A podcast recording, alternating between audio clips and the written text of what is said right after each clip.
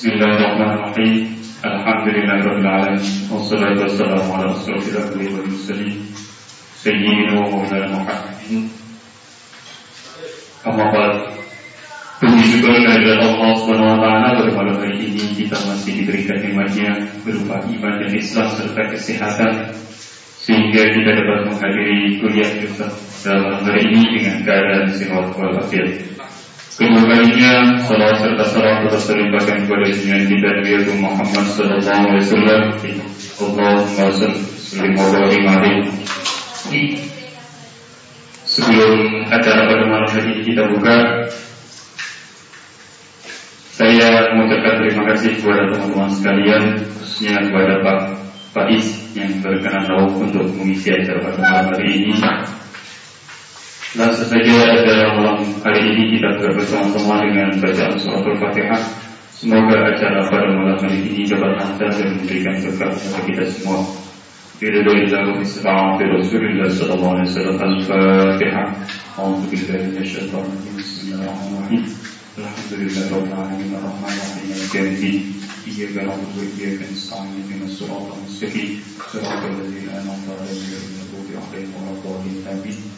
Terima kasih. Acara selanjutnya kami serahkan sepenuhnya kepada Bapak Is. Semoga. Oke.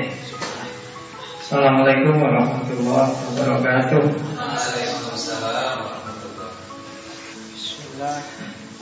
Bismillah, Alhamdulillah Assalatu wassalamu ala rasulillah Wa ala alihi wa ashabihi wa mawala Amma uh, malam ini kita lanjutkan lagi ngaji filsafat kita ke tema selanjutnya. Saya silong nggak apa-apa ya. Ya biasa. Kesel ya. Duduknya gitu terus. Santai. Kalian juga nggak apa-apa sampai enggak, enggak harus kayak di kampus harus pakai sepatu. Ya, jadi santai saja, nyantai-nyantai ya. Selonjoran juga.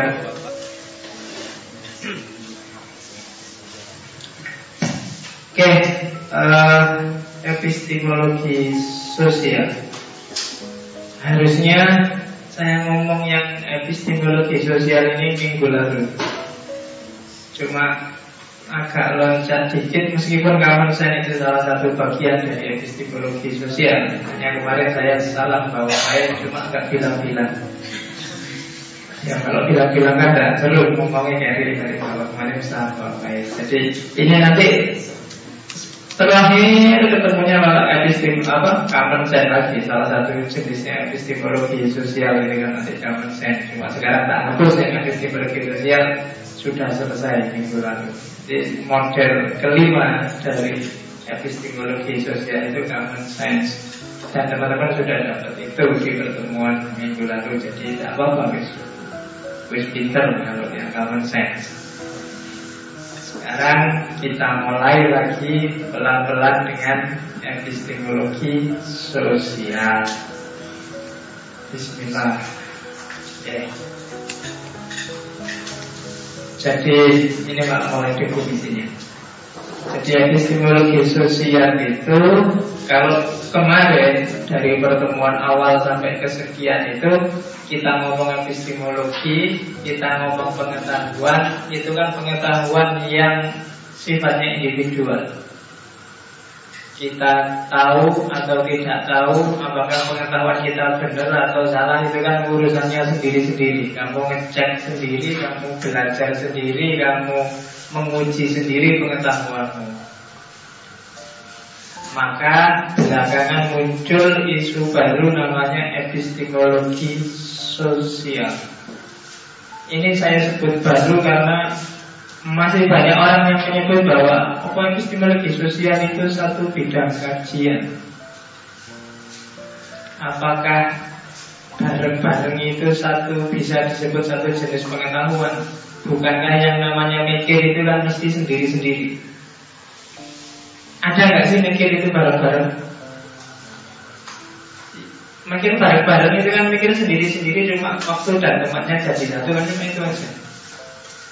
Mari kita berpikir bareng-bareng Tidak bisa, mikirin bikin bareng-bareng mau ada USB konektornya asal tak kan ada. Mikirnya mesti dewe-dewe. Terus saya mikirnya gini, situ mikirnya gini, situ mikirnya gini, terus disimpulkan jadi satu. Maka ada yang perempuan ada epistemologi sosial itu ya sebenarnya bukan bidang kajian tersendiri, tapi kan itu bidang kajian selanjutnya mungkin itu masuk sosiologi, bukan masuk epistemologi.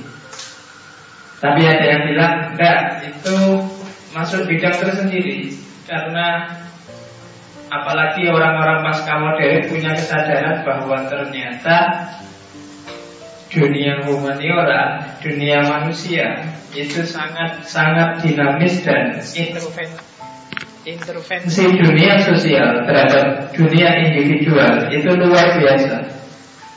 Yang ada di kepalamu hari ini itu mungkin 80% itu sebenarnya hasil dari kamu berinteraksi dengan orang lain. Kamu hidup sejak kecil sampai besar. Kamu kecil kan ilmunya mesti dari ibu, dari bapak. Dikasih tahu ini namanya apa, itu namanya apa. Disuruh sholat, disuruh puasa, disuruh belajar, disuruh dari orang lain. Sampai hari ini, sampai detik-detik terakhir.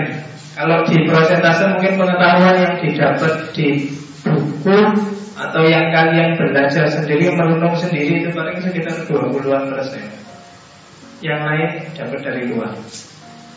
Kuliah sekalipun kan dapatnya dari gurunya, dari dosennya, dari ustadznya, kan selalu begitu.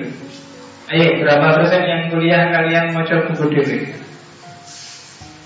Ada. Gurunya teriak-teriak tiap hari, dosennya tiap hari marah-marah. Bacalah buku, itu ya lagi bocor.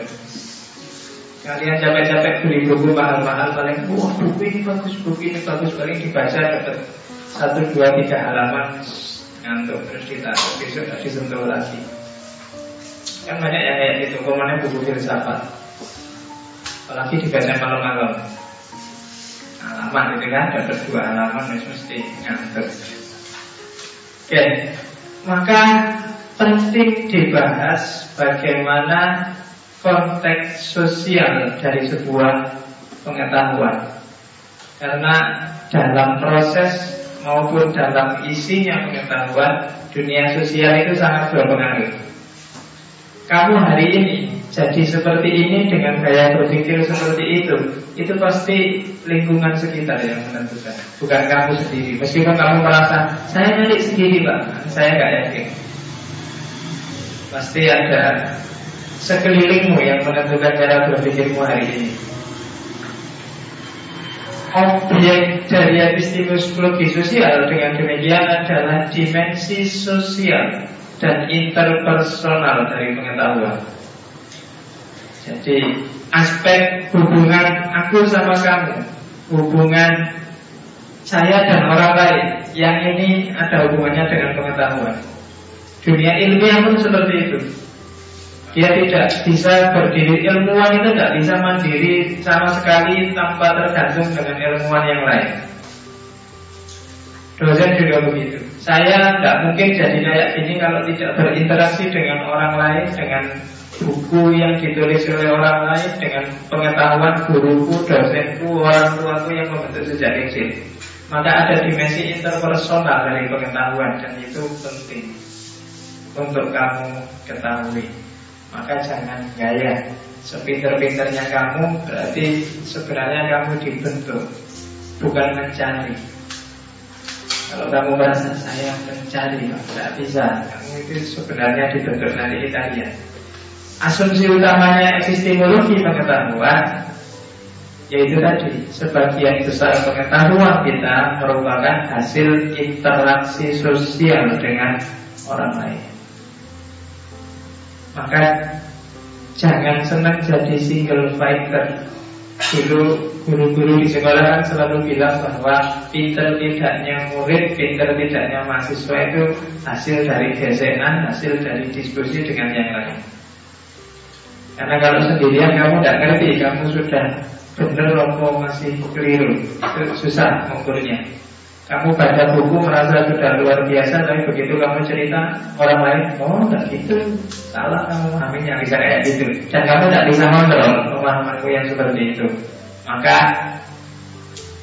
Hati-hati dengan dimensi sosial dari epistemologi. Kalau zaman dulu ini tidak terlalu disadari Seolah-olah ilmu itu milik per individu Ghazali ya Ghazali kamu tidak pernah melihat bahwa Ghazali tidak akan jadi seorang Ghazali kalau dia tidak interaksi dengan orang lain. Kalau dia tidak ketemu dengan ilmuwan lain. Tidak akan lahir nahabut para sifat kalau dia tidak belajar, tidak ketemu dengan para filosof. Itu epistemologi sosial. Model pertama dari epistemologi sosial itu namanya revisionisme. Nah ini ya revisi. Maksudnya revisionisme itu revisi terhadap epistemologi lama. Orang-orang revisionis biasanya menyebut epistemologi tradisional, klasik. Katanya orang revisionis, epistemologi tradisional itu punya beberapa asumsi yang perlu dipertanyakan. Karena yang pertama dia menganggap epistemologi itu urusan masing-masing orang. Jadi yang kayak saya bilang tadi, benar salah itu urusan masing-masing kepala. Pas dan tidak pas itu urusan suka-suka masing-masing orang. Parameternya lepas dari interaksi antar manusia pokoknya. Ya urusan kalau kamu ingin tahu yang benar carilah kejarlah sendiri. Kemudian yang kedua menganggap epistemologi menganggap pengetahuan itu adalah urusan mencari mana yang benar mana yang salah saja bukan prosesnya kalau kalian jeli Kemarin kita belajar pertemuan awal sampai terakhir tentang tentang mana benar apa tentang pengetahuan di epistemologi itu kan yang dicari adalah klaim-klaim mana benar mana salah. Tidak dibahas untuk sampai ke situ itu gimana? Proses sehingga sampai jadi empirisisme atau sampai jadi rasionalisme atau sampai jadi kalau nggak ada common sense jadi common sense kalau sampai jadi pokoknya kemarin itu kan nggak dibahas. Kalau kalian ingat yang kemarin itu sebenarnya kalau dalam bahasa filsafat ilmu namanya context of justification. Yang dibahas adalah parameter benar salahnya tidak membahas prosesnya pokoknya kalau David Hume kemarin yang benar itu adalah yang ada bukti empirisnya. Tidak dibahas proses untuk dapat bukti empiris itu seperti apa. Itu David Hume nggak ngomong itu. Pokoknya kamu punya bukti empiris selesai. Bukti itu didapat dari mana? Dari orang lain, dari kamu sendiri, atau dari TV, atau peduli amat. Pokoknya ada bukti empirisnya. Titik, tidak membahas proses. Padahal kalau dibahas proses mungkin lebih rumit lagi. Kayak fikih itu kan finalnya memang halal, haram, sunnah, makruh, mubah. Ini konteks of justifikasi. Tapi proses harus kamu bahas juga. Karena untuk sampai pada halal, untuk sampai pada haram harus ada proses dong. Dan proses menentukan justifikasi. Itu yang sering orang bahas. Kamu ujung-ujung langsung tanya apakah rokok itu halal atau haram. Jawabnya mesti susah. Biasanya kalau nggak apologis, apatis, dogmatis, Padahal coba cek, kamu pengen jawaban haram-haram sebelumnya ke situ prosesnya gimana dulu? Mau pakai usul fikih saja atau ditambah sosiologi atau ditambah psikologi atau ditambah jawabannya bisa beda-beda. Mungkin dalam konteks tertentu rokok itu mubah, kalau ada yang bilang saya merokok malah sehat pak, merokok malah hidup saya tersiksa dan pening sekali saya kalau nggak rokok kepala saya malah. Itu ada yang gitu. Jadi kalau alasan kesehatan Ya mungkin orang lain nggak sehat, tapi saya justru dengan tidak merokok jadi, ah mungkin untuk yang level itu mungkin merokok jadinya, ya lah untuk kamu ubah-ubah saja. Atau jangan-jangan ada level proses yang dibahas yang sampainya nanti jangan-jangan rokok itu sunnah. Yang bu biaya caranya rokok jadi sunnah itu. Kalau alasan juga, biaya caranya rokok biar jadi sunnah. Jadi tidak ada Begitu kamu menyinggung proses, maka yang tadi eksak ini halal ini haram bisa bisa cair. Kawin itu halal apa haram? Apa susah? Ini biasa tergantung itu. Nah, ya, tergantung sama urusan prosesnya. Jadi kan itu konteks of justification. Ketika orang sudah sampai pada aspek justifikasi mana benar salah, di epistemologi klasik Terus biasanya yang prosesnya tidak dibahas lagi Lawannya konteks of justification itu konteks of discovery Bahwa nilai A itu iya penting Tapi untuk dapat nilai A itu apa yang kamu lakukan Kelihatannya jauh lebih penting Itu konteks of discovery Jadi jalanmu untuk menuju A itu apa? Jalanmu untuk dapat pacar cakep itu apa? Itu menentukan Jalanmu untuk dapat Apalagi Kaya raya itu apa? Jalanmu untuk dapat Jadi anak soleh itu apa? Kan macam-macam. Dan itu kadang-kadang okay, Ujungnya bagus tapi awalnya jelek. Ada yang awal prosesnya jelek tapi hasilnya bagus. Maka katanya kelompok revisionisme Epistemologi tradisional yang kehilangan konteks of discovery harus di counter harus dilawan harus direvisi kemudian yang ketiga standar-standar yang kemarin dibikin oleh epistemologi tradisional itu terlalu kaku. Standarnya normatif universal objektif. Selalu klaim-klaimnya klaim universal. Pokoknya semua pengetahuan benar kalau ada bukti empirisnya. Kalau nggak ada, salah Semua pengetahuan asal dia rasional Masuk akal benar. Kalau nggak ada, salah. Itu kan standar-standar kaku. Ada memang pengetahuan yang butuh bukti empiris Tapi ada yang tidak harus empiris kok. Pakai rasio aja bisa. Ada yang pakai rasio cukup Ada yang tidak cukup. Dia harus ada bukti rasional. Harus fleksibel ada yang pakai dalil aja boleh. Pas sudah cukup. Kalau sudah pas nggak usah ditambah-tambah. Tapi ada yang nggak cukup kalau cuma pakai dalil ayat dia harus ditambahi lagi dengan dalil hadis. Hadis kurang tambahi lagi dengan fakta. Fakta kurang tambahi dengan rasio kan gitu.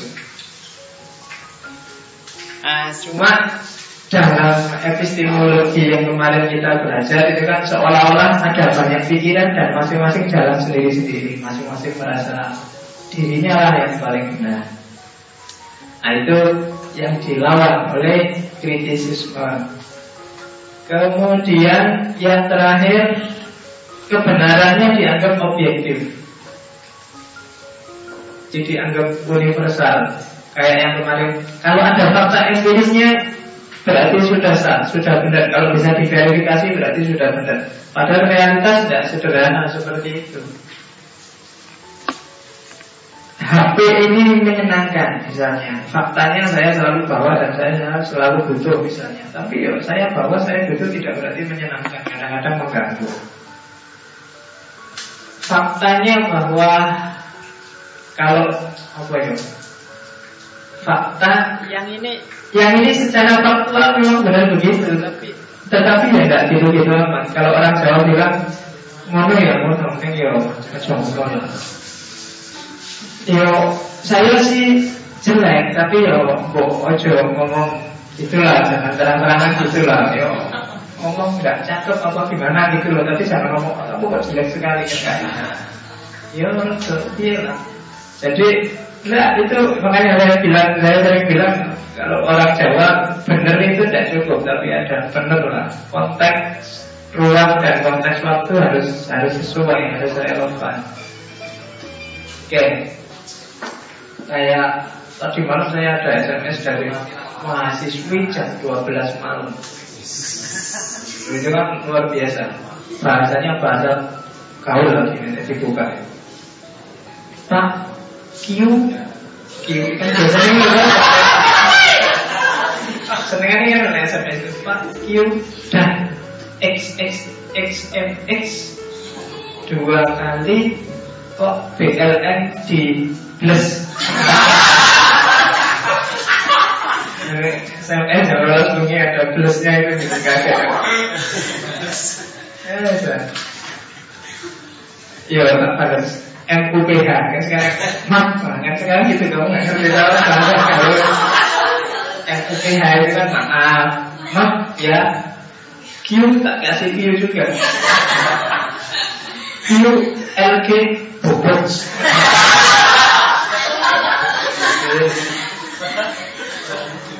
SMS-nya bener dia mau tanya cuma ya jam rolas bengi dulu secara rasional faktual benar wong dia ingin tahu terus tanya yang ditanya ya dosennya ini ya jangan jam 12 malam.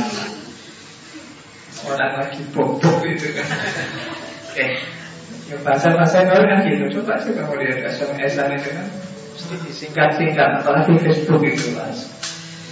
Sedang meriah nih ya. Oke, meriah aja di kamera gitu. Ya, jadi epistemologi tradisional oleh kelompok revisionisme dikritik itu. Terus apa sih yang diajukan? Yang diajukan oleh kelompok revisionis adalah bahwa pengetahuan itu modelnya adalah social constructivism. Konstruksi sosial.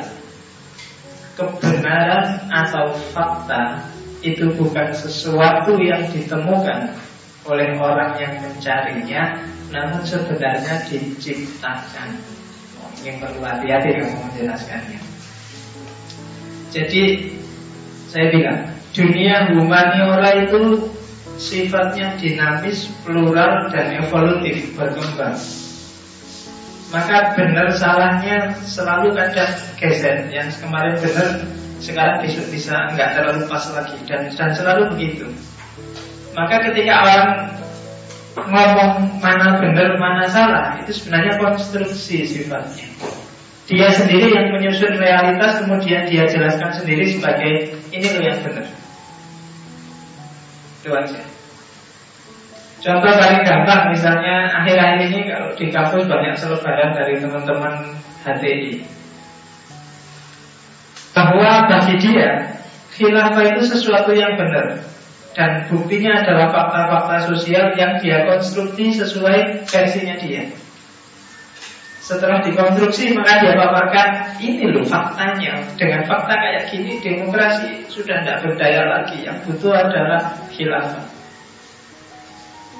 Jadi benar tapi versi dia Sesuai konstruksi yang dia bikin. Seperti kamu juga bikin kan? Misalnya di masjid ini luar biasa loh. Pengajiannya ada filsafat, ada wayangan, ada macam-macam.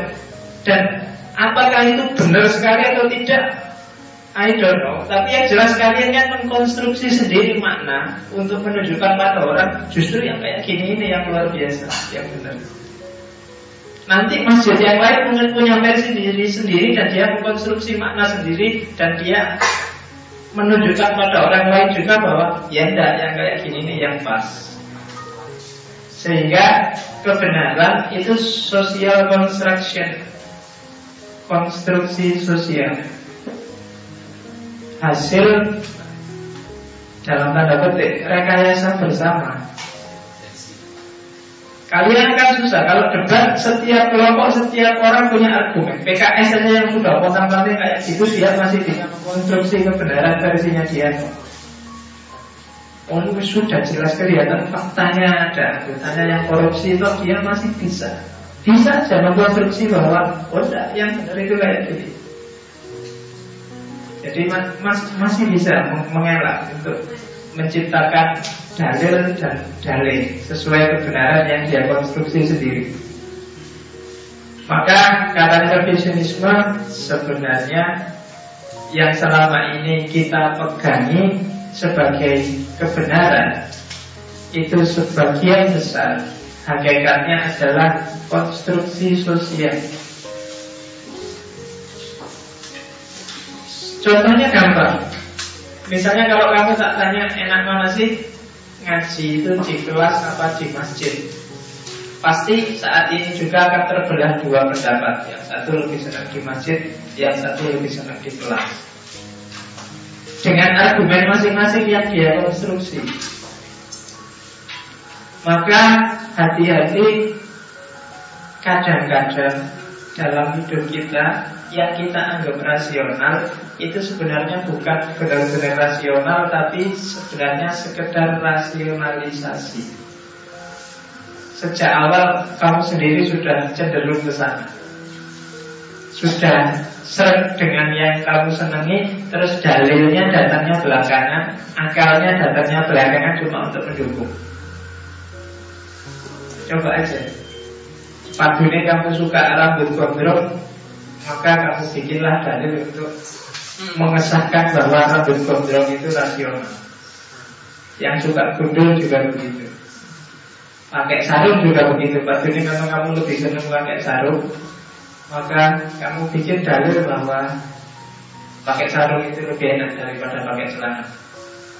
Yang lain karena lebih suka pakai celana Dia punya dalil lebih enak pakai celana Daripada pakai sarung Ya monggo. Dalil. Dalil bisa kamu bikin belakangan Ya tidak tahu Enaknya sarung adalah Mudah dipakai Terus Bisnis Jadi nggak ribet nggak. Nah kalau celana enaknya Lari enaknya air jadi dalilnya begini. Kadang-kadang kalau kita, kamu ngerti dalilnya, kamu pakai bukunya ya, bisa ya pikirnya kayak gitu itu. Karena memang judgement rasional itu datangnya di belakang, tidak di depan. Kan kayak anekdot. Ada cewek pakai jilbab, pakai rok, ditanya sama ustazanya, seandainya kamu ketemu orang yang mau memperkosa kamu di jalan yang sepi, kamu ada pada depan berdua, apa yang kamu lakukan? Kan terus si santriwatinya bilang, yang pertama saya angkat rok saya tinggi-tinggi. Ah, tuh, ustaznya kaget. Terus, terus laki-lakinya tak suruh merolotin celananya dan celana dalamnya sampai sedengkul. Ustaznya, lu kok begitu?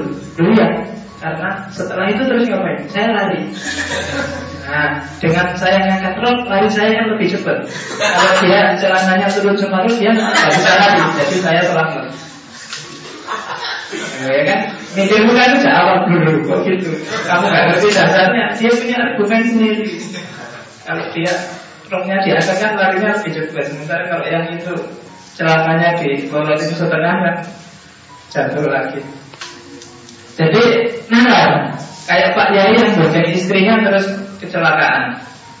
Begitu banget dia yang dilihat pertama kan motornya Aduh motor saya banyak besarnya Lupa itu loh istrinya lupa-lupa. Enggak saya lebih sayang motornya. Kalau ini istri di rumah masih ada. Kalau motor cuma satu masih gini lagi Jadi mana yang kalau apa? Oke konstruksi sosial. Jadi jangan terlalu percaya dengan argumen rasional. Kadang-kadang dia tricky. Kadang-kadang dia menjebak. Kenapa? Karena dia dibikin, diciptakan, dikonstruksi, bukan sesuatu yang ditemukan. Maka kamu jangan genit. Banyak mahasiswa yang jenis itu disuruh sholat nggak mau, disuruh aku nggak mau, alasannya mencari kebenaran. Ya kan? Aku mau nyari kebenaran itu di mana? Kok mau nyari di buku-buku emangnya bisa ketemu kebenaran di buku-buku? Mau nyari dalam pengalaman emangnya bisa? Kebenaran itu kamu konstruksi.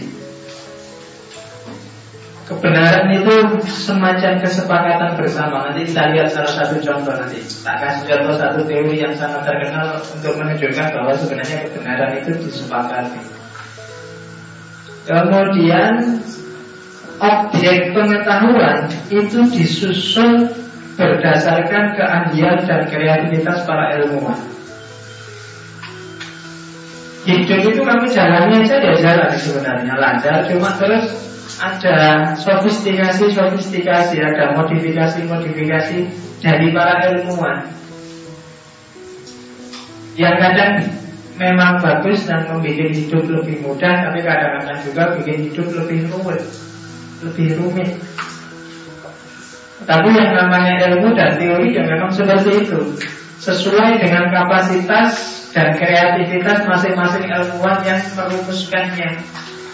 Orang psikologi melihat hidup mungkin beda dengan orang biologi. Orang filsafat melihat hidup mungkin beda dengan agamawan. Semua mengkonstruksi makna hidup sendiri-sendiri sesuai konteksnya. Sesuai keahliannya masing-masing semua melakukan rasionalisasi-rasionalisasi. Semua melakukan justifikasi-justifikasi terhadap hidup. Maka itu tak kutip seorang tokoh sosiologi namanya Stephen Sabin Yang bilang bahwa kebenaran adalah institusi sosial. Jadi bukan urusan perkepala individual jadi pengetahuan bukan sesuatu yang berhubungan dengan kebenaran Namun berhubungan dengan apa yang dianggap benar. Ada bedanya kan?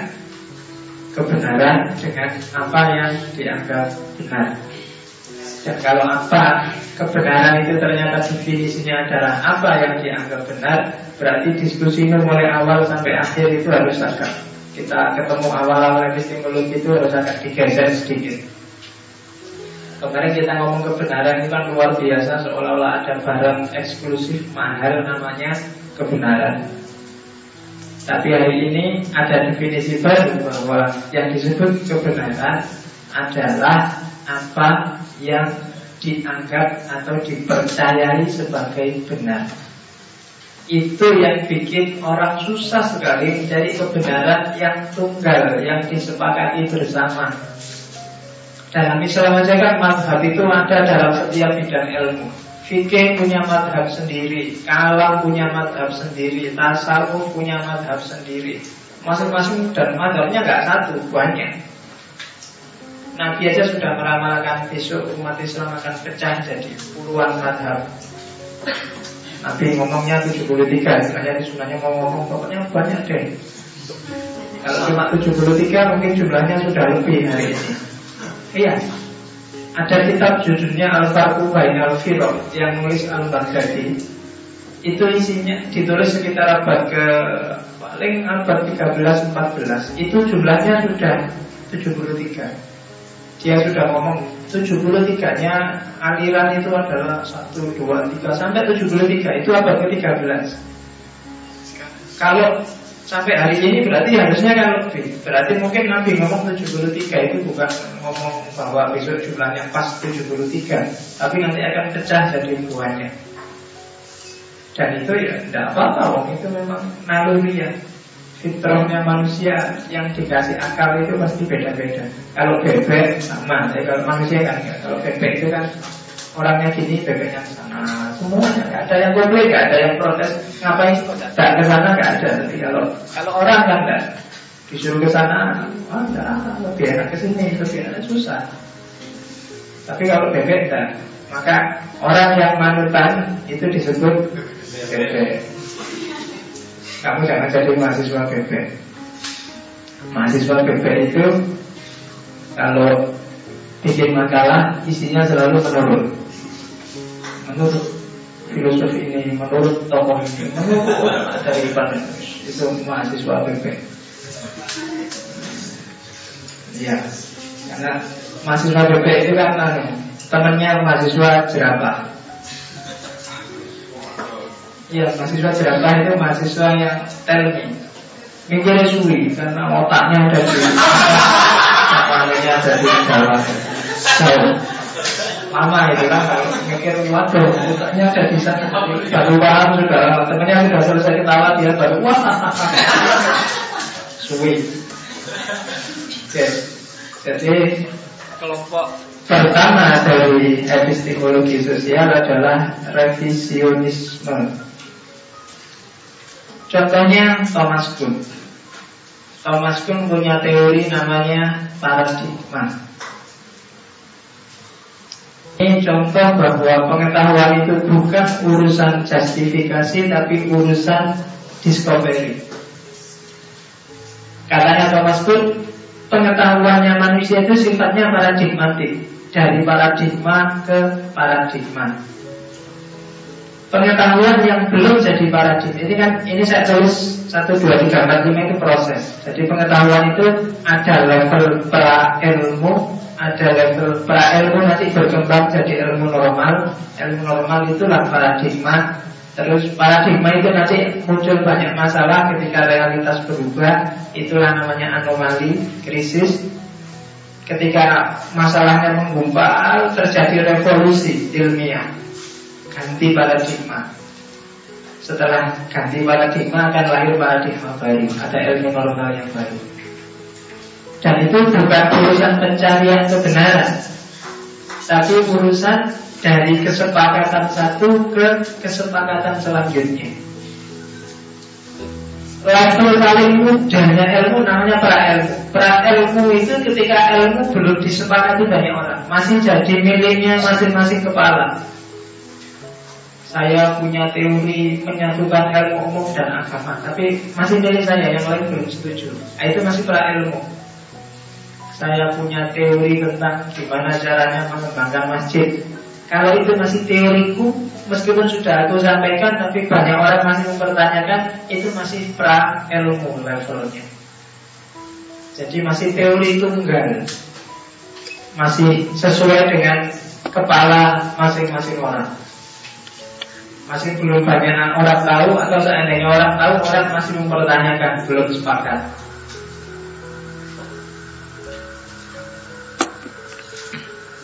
Yang kedua, setelah itu disepakati, ini ternyata teori ini disetujui banyak orang.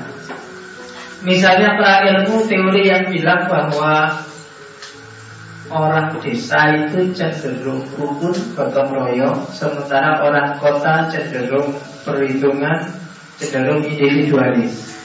Saya lupa yang punya teori yang mahasiswa sosial mesti ngerti. Nah, ini pra ilmu. Tapi kok ternyata disepakati, banyak orang setuju, dia jadi paradigma. Orang-orang terus ketika kamu berpikir membayangkan tentang desa dan kota, pijakannya itu. Nah, kalau ke desa nyantai aja orangnya suka gotong royong kok. Jangan takut, nggak bawa uang banyak juga nggak apa-apa nanti di sana. Kalau cuma makan aja mesti bisa. Itu jadi paradigma di kepala ketika kamu ke desa.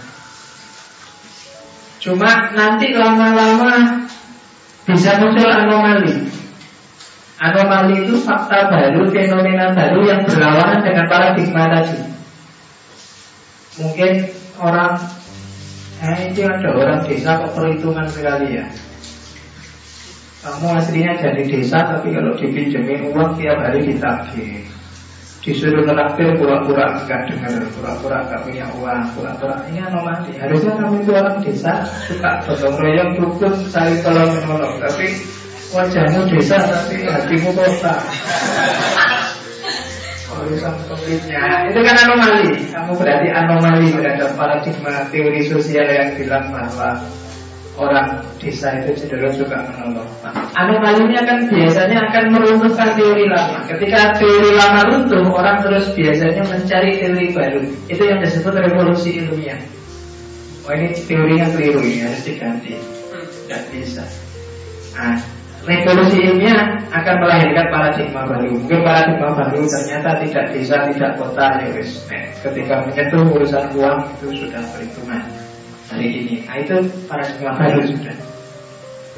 Dulu orang berteori bahwa partai-partai Islam adalah partai yang lurus dan bersih karena pijakannya adalah Al-Quran dan hadis yang isinya lurus dan bersih. Para ilmu dan banyak orang terus setuju ya Quran dan hadis kan memang pijakan dasar kita. Terus dia jadi paradigma. Orang percaya dengan partai-partai Islam. Tapi anomali-anomali muncul. PKS kacau. PKB kacau. P3 kehilangan pamor PBB Pontang Pantai Apalagi Partai Islam. PAN pecah Apalagi Karena terus ini ada banyak anomali. Ada revolusi berpikir terus terjadi. Puncaknya PKS kemarin itu kan Terus kamu Wah luar biasa ini Saya nggak percaya lagi dengan partai Islam Pokoknya begitu itu partai Islam atau tidak Islam bodoh Teori baru itu sudah Ya kan? Pemilu yang lalu mungkin kamu masih menghitung itu. Ini partai Islam, ini tidak Islam. Saya orang Islam harus milih partai Islam. Paradigma lama. Sekarang paradigma baru kamu sudah nggak ngitung itu. Nah, pokoknya ini partai politik ini kok doai ujung-ujungnya ya uang. Kalau nggak uang ya nggak, nah itu. Oke, itu model Thomasku. Jadi yang benar yang mana? Yang benar yang disepakati bersama. Dulu orang sepakat bahwa bumi itu datar. Plato dan kawan-kawan itu menganggap bumi itu datar, terus ditutupi semacam kanopi, semacam kubah yang namanya langit. Jadi gambarnya itu kayak bangku ini kayak halamanmu itu terus ditutup kanopi dan langit itu jadi kayak kanopinya. Zaman dulu, semua teori dirumuskan dengan itu. Bahkan novel cerita itu ya bayangannya kayak gitu kan bumi datar. Jadi kalau musuhnya melarikan diri, ku kejar kau sampai ujung dunia. Begitu. Novel-novel kan gitu. Padahal ya, kalau buminya datar kan ada kan ujungnya dunia itu ada. Jadi lari secepat apa pun kamu akan nyampe ujung dunia dan tetap ku kejar. Tapi kalau dunia bulat kan susah. Kejar kau sampai ujung dunia, ujungnya mana? Dan terus gak ketemu-ketemu. Tapi ada Dulu orang nggak berani berlayar jauh-jauh karena takut nyampe ujung dunia beneran terus jatuh ke bawah. Susah. Ya kan? Para ilmunya begitu dan dia jadi paradigma orang terus merumuskan semua teori dengan itu. Tapi banyak anomali kemudian. Sehingga lahir revolusi ilmiah ketika ketika ada pra ilmu namanya teori heliosentris bahwa bumi itu tidak pusat dan bumi itu tidak datar. Mungkin besok ada krisis-krisis baru, orang bukti baru, ternyata kita semua salah. Bumi itu ternyata tidak bulan. Bu, kotak. Ternyata bumi itu kotak. Kemarin kelihatan bulan karena dilihat dari luar angkasa. Kalau tidak dilihat dari luar angkasa, kalau diraba saja. Nanti. Nah, jadi metodenya pakai diraba misalnya.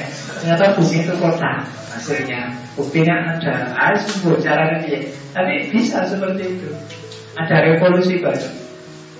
Jadi dari kesepakatan yang satu ke kesepakatan yang lain. Dan ini berlaku juga untuk tidak cuma untuk dunia.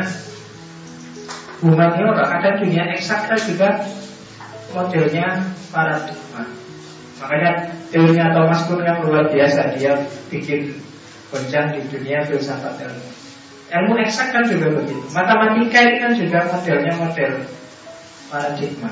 Meskipun kalian yakin bahwa itu eksak, paradigma itu tidak paradigma eksak, tapi tidak sebenarnya matematika juga tidak eksak-eksak amat.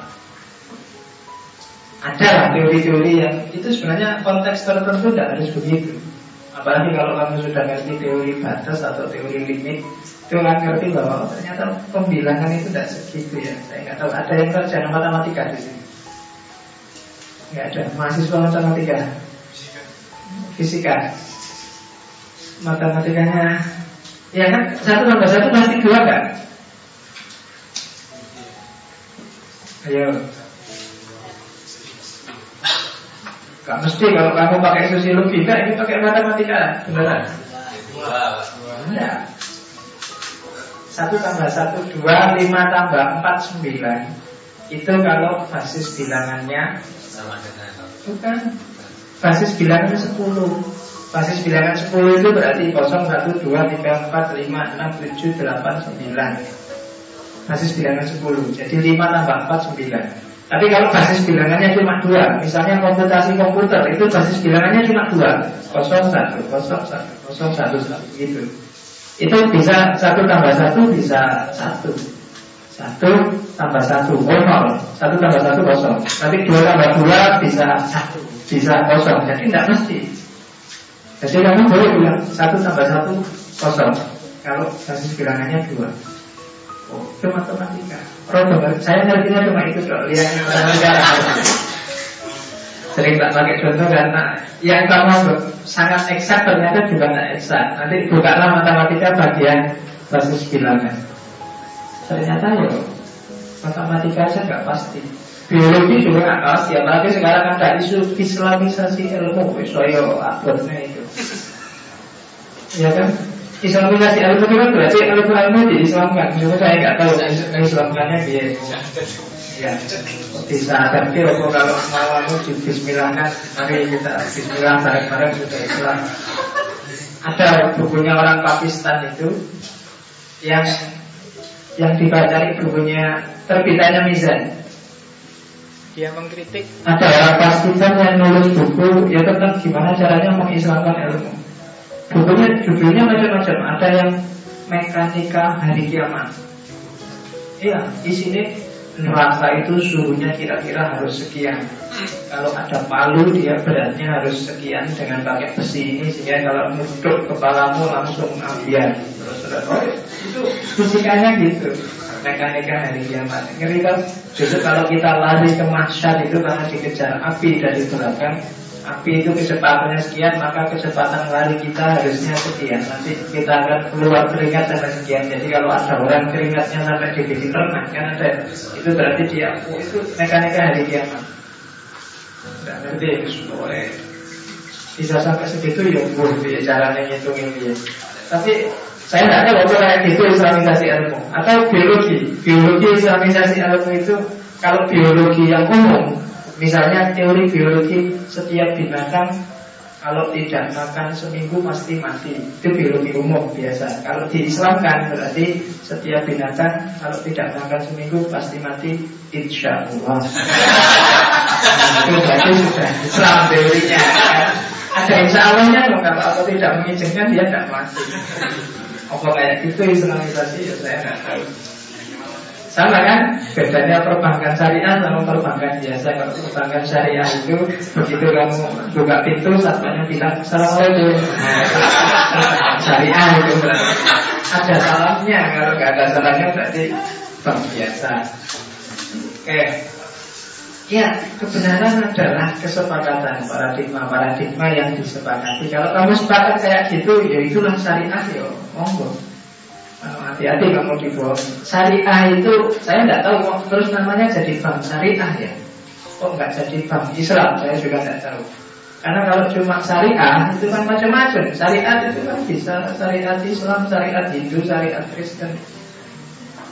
Mungkin begitu triknya Biar kalau kamu salahkan Ini mana Islamnya Terus dia bilang Loh siapa yang bilang Islam bilang ini bangsa Ah kok kamu tadi nanya yang Islam Ini kan bangsa kita bukan bangsa Islam Oh kamu komplain tanya Islam yang mana? Jangan-jangan kamu mau dijebak di situ. Oke, dilanjutkan. Yang kedua, preservasionisme. Ya. Kalau tadi di revisionisme, epistemologi tradisional itu sah semua.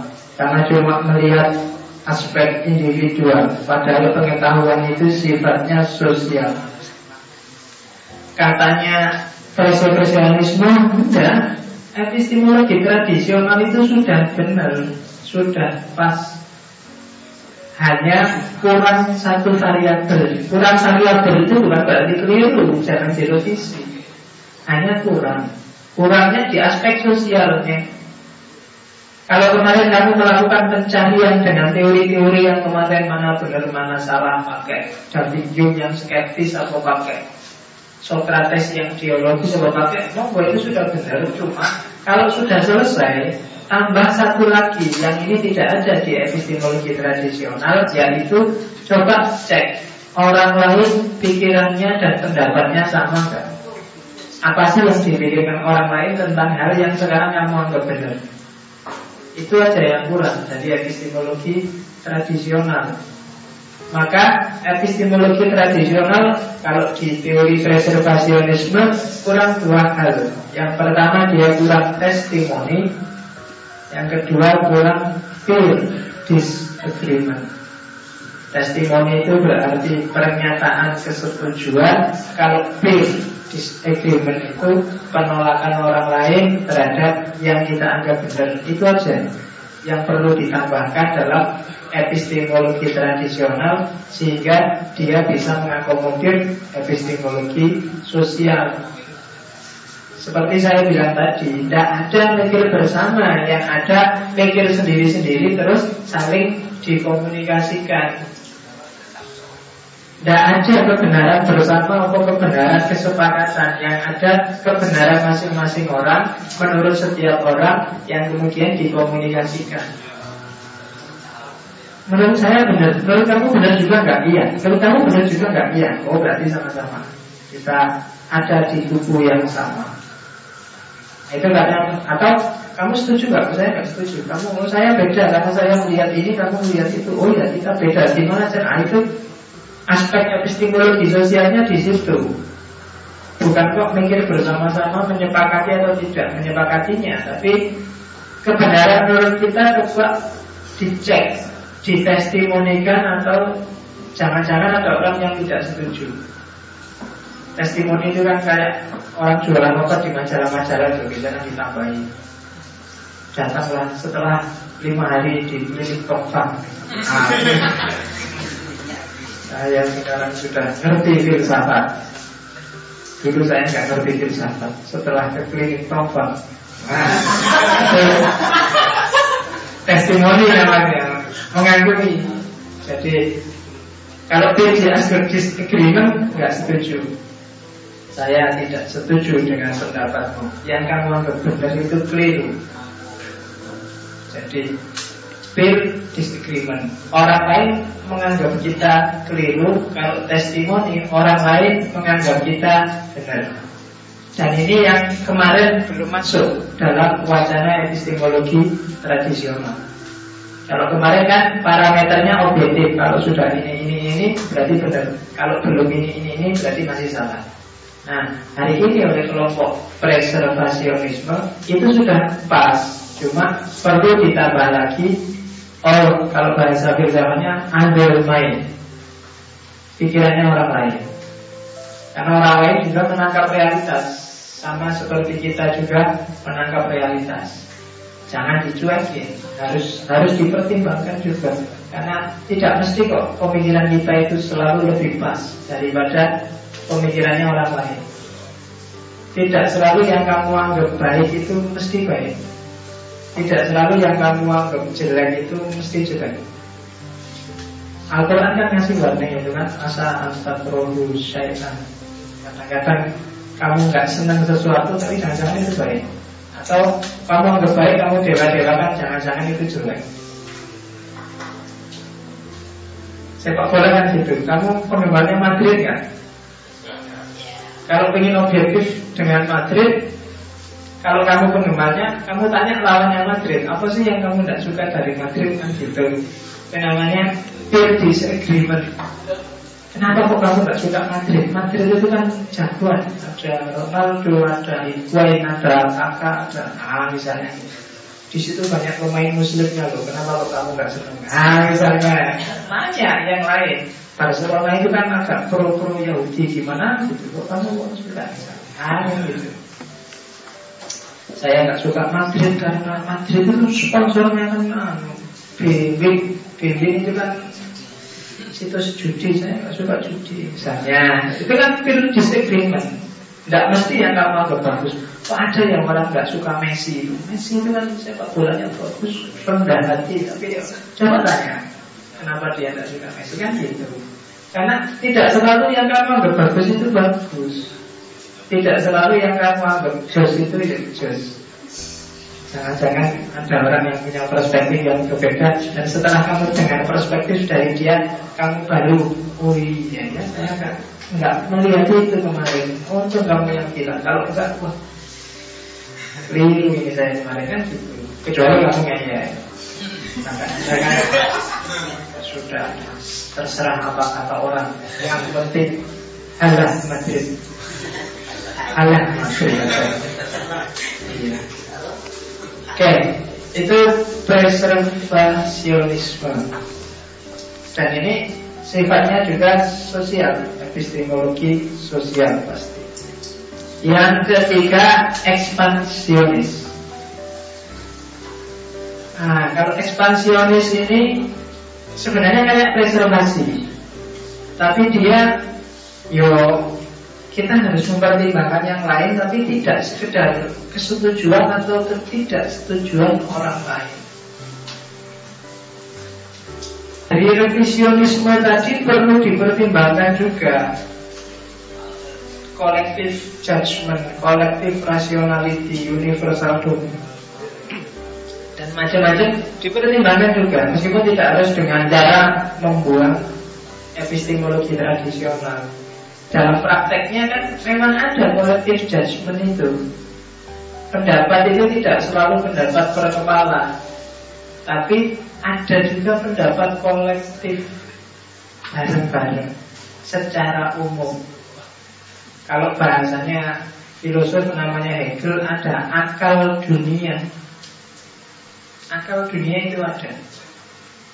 Misalnya Raja Raja itu kalau zaman dulu akal dunia membacanya wajar itu hukuman buat orang yang salah. Tapi ketika dibaca dengan akal dunia hari ini rasanya kok terlalu sadis ya. Ada hukuman yang namanya raja. Meskipun Al-Quran menyebut, mungkin perlu ditafsir ulang. Nah itu kolektif judgment namanya. Ada akal dunia yang geser. Selama ini mungkin raja itu kan menghukum orang yang zina dengan dilempari batu sampai mati itu kan ngeri kan orangnya ditanam setengah badan Kenapa harus ditanam? Karena kalau tidak ditanam dia bisa meronta-ronta lama nggak mati-mati. Terus bagian lempar kamu tidak boleh pelan-pelan kalau melempar. Kalau kamu lempar pelan-pelan malah kasihan dia matinya lama. Jadi semakin keras semakin bikin dia cepat. Bila perlu yang punya tenaga kayak peluru lebih baik. Cepat terus selesai. Mending potong kepala daripada raja itu ngeri. Apalagi kalau anak kecil-kecil yang lempar kan malah lama Iya, yang merasa tidak punya tenaga, merasa buruk jangan ikut-ikutan melempar Ya Alhamdulillah sekarang di Indonesia tidak berlaku. Iran minggu lalu baru saja mendeklarasikan menghapus hukuman raja Karena memang pakai nalar hari ini itu secara kolektif memang rasanya agak sadis. Karena akal dunia itu berkembang. Kalau bahasanya Hegel, akal dunia itu berkembang ke arah yang lebih rasional, ke arah yang lebih rasional. Maka kalau kamu ada masalah yang tidak selesai, ada kalanya memang harus mau biarin aja. Tunggu aja besok siapa yang survei Karena yang lebih rasional dia yang akan survei yang tidak rasional biasanya akan tertinggal dan punah. Nah itu begitu. Maka kalau sekarang kamu ada tema perdebatan yang nggak habis-habis, nggak selesai-selesai, kamu nggak harus stres. Berarti biarkan waktu yang menjawabnya. Iya, jadi aja lah. Dilihat besok. Siapa tahu nanti kelihatan. Biasanya yang rasional itu yang yang muncul. Saya tidak tahu argumen argumennya Hegel seperti apa, tapi dia punya pendapat sejarah itu seperti. Diakui atau tidak yang ada progres sejarah itu. Jadi dari sisi budaya manusia agak naik. Meskipun kadang-kadang dalam konteks tertentu juga ada yang kelihatan mundur, tapi yang punya kalau Hegel itu orang punya pendapat sejarah linear ke depan, tapi bagi yang punya pendapat sejarah itu sirkuler Kadang-kadang sejarah itu juga betul bergerak ke belakang. Misalnya apa itu? Model baju.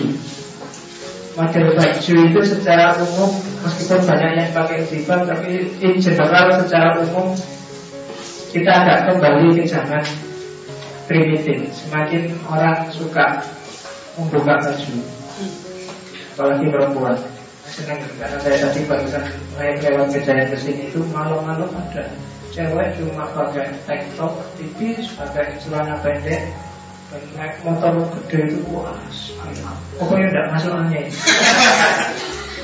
Ya, yang saya aja yang masuk angin jaket pakai kaos ini yang merasa dingin tapi dia dengan pakai tank top gitu sih. Nah itu kan agak geser. Jadi agak ke zaman dulu. Kalau zaman dulu kan cuma pakai kulit binatang itu kan. Jadi oh, berarti ini yang kembali ke masa lalu trennya. Jadi collective judgment kalau pakai kayak gitu kembali jangan jauh-jauh. Ke tahun 60-an aja mungkin orang juga yang dulu ini orang belum pakai baju. Atau mungkin ah ini bajunya adiknya dipakai. Ah ini mungkin bisa kayak gitu.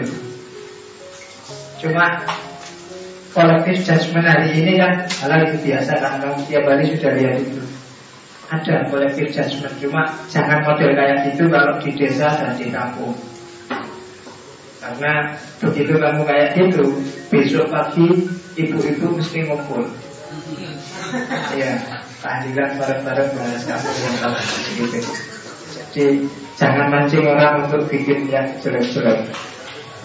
Alasannya itu. Kalau dulu saya pernah ngomong tiga dulu pak, tapi kita kan normal. Kalau lihat itu langsung karena saya normal itu saya nggak menjauh. Kalau saya nggak normal tak sudah sih. Karena saya masih normal itu ya dokter mikir-mikir sih ada yang kalah. Jadi tidak sekedar dilihat setuju dan tidak setujunya Lihat konteks sosiologis antropologis zamannya Kebenaran zaman dan era ini bisa geser Bisa tidak sama, bisa beda dengan kebenaran 3, 4, 10 tahun yang lalu. Dulu mungkin orang lebih senang presiden itu militer. Ketika yang mimpin tidak militer Pak Karno Wah Pak Karno itu tidak tegas lah Pak Karno itu suka perempuan lah Pak Karno itu Ketika zaman itu Pak Karno. Begitu dipimpin militer Soeharto awal-awal senang gitu belakangan Aduh presiden militer Mau apa diatur Mau ngomong diatur Mau ngapain diatur Ada seru Ya kan? Sekarang kamu ingin tidak militer lagi Begitu tidak militernya Gus Kamu Gus Dur Aduh, yang lain ke utara justru ke selatan sendiri. Iya, ya kok. Iya, tidak militer sih, tapi justru itu bagusnya jadi guru, jangan jadi, ya misalnya kamu. Nanti lah jangan justru, tapi ya jangan militer. Megawati terus naik. Aduh, Megawati. Presiden kok, aduh, suaranya kan kalau susah kan. Jadi, zaman berkembang Dulu pengen apa dikasih itu pengen ganti lagi dan selalu kita progres. Logika zaman selalu ganti, logika zaman selalu berubah. Maka membaca dunia sosial tidak bisa cuma pendapat orang per orang, tapi lihat secara akumulatif. Maka kalau ada ayat, kalau Al-Quran membacanya jangan ayat terus ditafsirkan perkata, tapi lihat konteks zamannya. Kalau ditafsirkan perkataan mungkin kamu terjebak ke literalisme yang kadang-kadang bikin wajahnya Islam jadi jelek. Ada ayat yang itu turunnya waktu perang Maka ayat itu kalau dibaca waktu jamai agak riskan. Membacanya juga harus waktu perang Ada ayat yang itu konteksnya adalah rivalitas Islam dan Yahudi hari itu. Kalau kamu baca dalam konteks kita yang ingin perdamaian ya jadi nggak nyambung. Ada ayat yang konteksnya adalah betapa mengenaskannya kondisi perempuan saat itu. Kalau kamu baca dan kamu terapkan dengan kondisi perempuan hari ini bisa nggak nyambung. Kayak kasus, kayak ayat poligami misalnya. Ayat poligami itu kan ayat yang turun untuk emansipasi wanita, tapi versi Arab abad ke 6 dari orang boleh mengoleksi perempuan sebanyak mungkin terus direduksi jadi maksimal empat aja deh. Itu kan luar biasa. Sebelumnya orang boleh mengoleksi ratusan bahkan kalau kaisar zaman dulu itu kan bisa ribuan. Ya kan? Kamu satu aja nggak dapat. Ada yang ada ribuan. Iya. Suci lah itu itu sejak kemarin. Wanita ngelirik ngelirik dong. Iya oke Itu namanya ekspansionis. Expand, meluas. Coba di konteksnya jangan sempit. Pengetahuan itu sifatnya luas. Orang itu tidak cuma anak keluarganya Tidak cuma anak teman-temannya Tapi juga anak zamannya. Kamu jadi seperti ini itu tidak cuma gara-gara temanku kayak gimana Tapi zamannya memang begitu. Sudah eranya Jangan jadi orang yang out of date, ketinggalan zaman. Kamu cara mikirnya masih cara berpikir klasik. Sekarang harus hari ini. Makanya kelemahannya orang-orang tua itu biasanya dia kehilangan kendali atas anaknya karena dia out of date. Ketinggalan zaman. Anaknya sudah lari ke mana, dia masih hidup di tahun 60-an. Itu yang bikin aduh untuk kalian jauh dari orang tua Jadi nggak sering dimarahi. Coba Kalau dengan gayamu hari ini Dan kamu ada di rumah Yang ada orang tua yang Mesti kamu capek Diceramai tiap hari. Ya kan? Mau ngaji kok pakai kaos Mau rame suaranya. Perempuan malam-malam kok keluar Ngapain aja Suaranya rame. Jadi kolektif judgementnya masih kolektif judgement apa? Apa? Masih kolektif judgment tahun 60-an Sementara kolektif judgmentmu hari ini. Jangankan yang jauh Yang hari ini aja begitu lokalnya ganti kan beda. Nalarnya takmir masjid Sudirman ini dengan nalarnya takmir masjid Suhadat mungkin beda. Sehingga variasi acaranya kan kelihatan beda-beda. Mungkin besok kalau takmirnya ganti juga beda. Dan itu kolektif judgment namanya. Membacanya tidak boleh parsial. Dia harus dilihat dari Sopo sih tak milih alumni mana saja cara berpikirnya kayak gimana pengetahuannya apa aja mau pantas. Pasti gitu kesimpulannya. Collective judgment Ekspansionis Oke okay. Model yang keempat Ini yang lebih dekat dengan dunia kita sehari-hari Yaitu model autoritarianisme Otoritas Nah, kita sangat tergantung dengan dunia sosial dan model paling sering yang terjadi dalam dalam diri kita sehubungan dengan dunia sosial adalah model otoritas. Mencari benar salah, berpikir benar salah dengan bersandar pada otoritas. Waktu kamu kecil otoritasnya adalah orang tua pasti Agak besar dikit mungkin guru teman-teman semakin besar mungkin tambah luas, mungkin kolega, mungkin pacar, istri, semakin semakin luas. Dan itu otoritas ada yang dipandang. Kalau agama mungkin pada ustadz, pada kiai, pada apa itulah agama-agama ini. Ulama ada otoritas. Otoritas itu bisa orang, bisa ideologi, saya mendeklarasikan diri jadi orang NU, maka saya ikut ideologi NU, maka saya tahlilan, maka saya ideologi. Kamu nggak ngerti benar tahlilan itu dari apa, dasar apa, sih penting karena NU saya harus tahlilan. itu. Buku atau kitab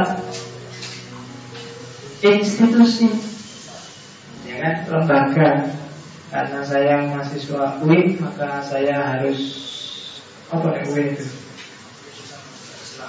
Harus Islam. Memang yang lain gak Islam kok. Institusi. Itu Yombo Bedanya UIN sama tidak UIN apa? Dan bahkan sejarah. Ada orang-orang yang Menyadarkan diri pada sejarah. Karena dulu seperti itu Maka saya seperti itu. Itu sejarah Jadi yang disadari adalah pengalaman dalam sejarah.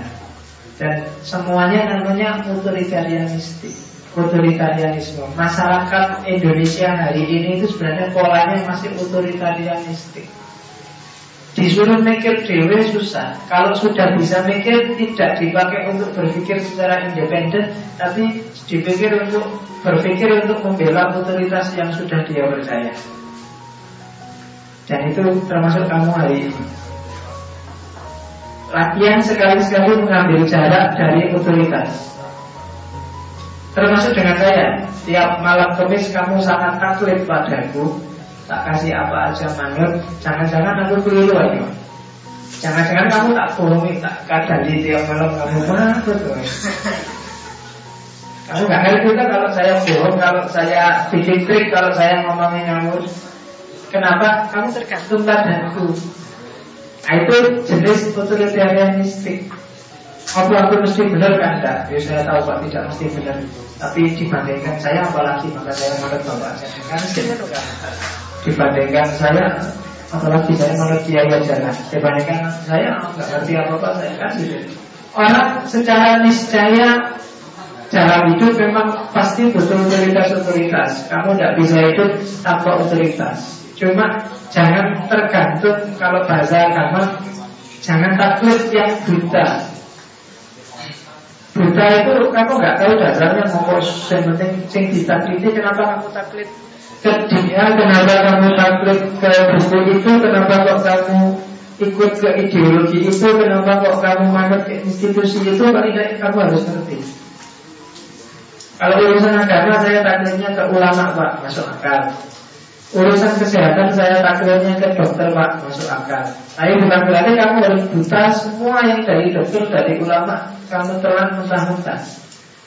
Kadang-kadang ulama juga ada keplesetnya, ada tidak pasnya. Dokter ya kadang-kadang diagnosisnya kan Dokter itu kan meramal sebenarnya Mendiagnosa itu kan beberapa kali meramal Saya anu pak, panas dingin agak Pusing agak Tadi gini kan? Enggak. Pak Gitu pak Iya gitu kan Ya sudah kasih obat ini nanti kalau belum anu tiga hari lagi ke sini kan itu berarti ramalannya keliru tiga hari lagi. Kalau kamu masih disuruh kembali itu berarti dia masih coba-coba. Iya. Berarti dia nggak ngerti mesti penyakitmu pokoknya sekarang dikasih yang sekiranya obat benar kalau keliru ya berarti minggu depan kamu disuruh kembali diganti lagi obatnya. Kalau keliru lagi mana sakit lagi? Kembali lagi ya jadi itu dokter Cuma saya tidak tahu kalau kalau kiai ulama apa yang mau. Saya ngasih fatwa ini tapi nanti kalau keliru diganti ya. Loh, padahal harusnya kan juga gitu, emangnya ulama nggak bisa keliru. Hari ini MUI memfatwakan ABCD. Cuma ini waktu Allah bisawab kalau keliru kan harusnya gitu. Karena dia kan juga nggak mesti benar. Masih manusia. Ah, itu otoritarianistik. Kenapa sih ada masyarakat itu cenderung otoritarianistik? Karena orang biasa. Ya Pak, kita itu kan orang biasa, bukan orang yang tidak biasa. Hidup itu biasanya dalam keyakinan-keyakinan dasarnya, bukan rasional-rasional. Sudah saya jelaskan tadi. Kita meyakini apa, kita percaya apa. Itu aja landasannya itu. Bukan kita mengerti apa biasanya Tapi kita yakin apa. Itu yang bikin masyarakat cenderung otoriter Otoritarianistik Kamu sangat tergantung pada otoritasmu. Yang kedua Secara natural Orang pasti akan melihat ada yang lain yang ahli di bidang yang dia tidak kuasai. Itu natural sudah orang. Itu yang bikin orang terus cenderung otoritarian, cenderung berpola model bersandar pada yang dianggap menguasai bidang. Kalau urusan politik saya lebih senang bersandar pada Soekarno misalnya, Tan Malaka, pada Soekarno, pada Soeharto itu keyakinan-keyakinan sebenarnya. Karena kamu tahu mungkin Soeharto lebih pintar mengurus negara, tapi tidak. Bagi saya Soekarno lebih pintar mengurus negara. Nah itu pertimbangan-pertimbangan yang sebenarnya bukan rasionalitas awalnya, tapi keyakinan-keyakinan. Saya yakin A, saya yakin B. Argumennya apa? Ini loh, argumen itu belakangan. Kenapa kamu lebih suka Pak Harto karena zaman Pak Harto ada stabilitas? Kenapa lebih suka Pak Karno karena zaman Pak Karno lebih revolusioner dan visioner? Kenapa kamu suka Dur karena zaman Dur lebih santai juga sama repot? Kenapa kamu suka Megawati? zaman Megawati itu negara tenang karena Megawati itu pendiam. Gak banyak ngomong. Kalau banyak senyum, gak banyak ngomong tapi banyak senyum. Kan enak. Kenapa kami milih SBY? Karena SBY itu Oh, kalau apa? Oke, Yus boleh, boleh alasan dewi. Saya tidak bisa bilang saya suka atau benci sama SBY Karena aku yang tidak paham SBY itu kayak gimana Gak jelas Tuh, karena SBY kan suka pencitraan. Pencitraan itu berarti yang tampil itu kan bukan aslinya. Kalau saya nggak ngerti aslinya kan nggak boleh komentar. Oh iya kan, cuma pencitraan-pencitraan itu kan cuma gaya kan? Kalau gaya itu kan berarti tidak asli. Kalau tidak asli kan kamu nggak boleh komentar jelek. Wong itu bukan aslinya kok SBC itu juga gini loh, itu cuma gaya, pencitraan kan gaya. Jadi dia dikritik juga nggak boleh, dipuji juga nggak boleh, cuma gaya. Gaya itu kan kayak kalau main film itu kan, kalau main film kan, ya kalau dia bunuh orang ya tidak bunuh orang beneran, kalau dia nolong orang juga tidak nolong orang beneran. Jadi dia tidak pantas dipuji tapi juga tidak layak untuk dicela. Wis jarno ngono wae. Ya, baterainya tak mati-mati dhewe. Oke. Kadang sumpah kan gitu Oke, jadi orang cenderung otoritarianistik karena hidup kita biasanya butuh kepastian segera yang tidak jelimet. Kita dasarnya klaim-klaim keyakinan. Kamu tidak perlu ngerti teori gravitasi itu kayak gimana. Yang penting kamu yakin kalau barang dijatuhkan dia akan ke bawah. Gitu aja. Kamu gak perlu membuktikan sendiri betapa sakitnya kalau kepalamu dipenggal. Yang penting kamu tahu kalau kepalanya dikenal menjadi sakit aku meneh pasti mati. Jadi gak harus semuanya gak harus dibuktikan. Keyakinan lompat dari amplas lantai paling atas itu kan kamu yakin pasti tewas kan? Itu saya tidak yakin pak. Eh silakan dibuktikan. Iya kan, lawannya nggak yakin kan ragu. Untuk melawan keraguan kan buktikan, carilah kebenarannya. Itu maka rasionalitas itu belakangan. Hidupnya itu dasarnya dari keyakinan ke keyakinan. Meskipun filsafat menyuruh kamu yakin ya yakin, tapi yang kritis dong. Otoritas ya otoritas, tapi yang kritis dong.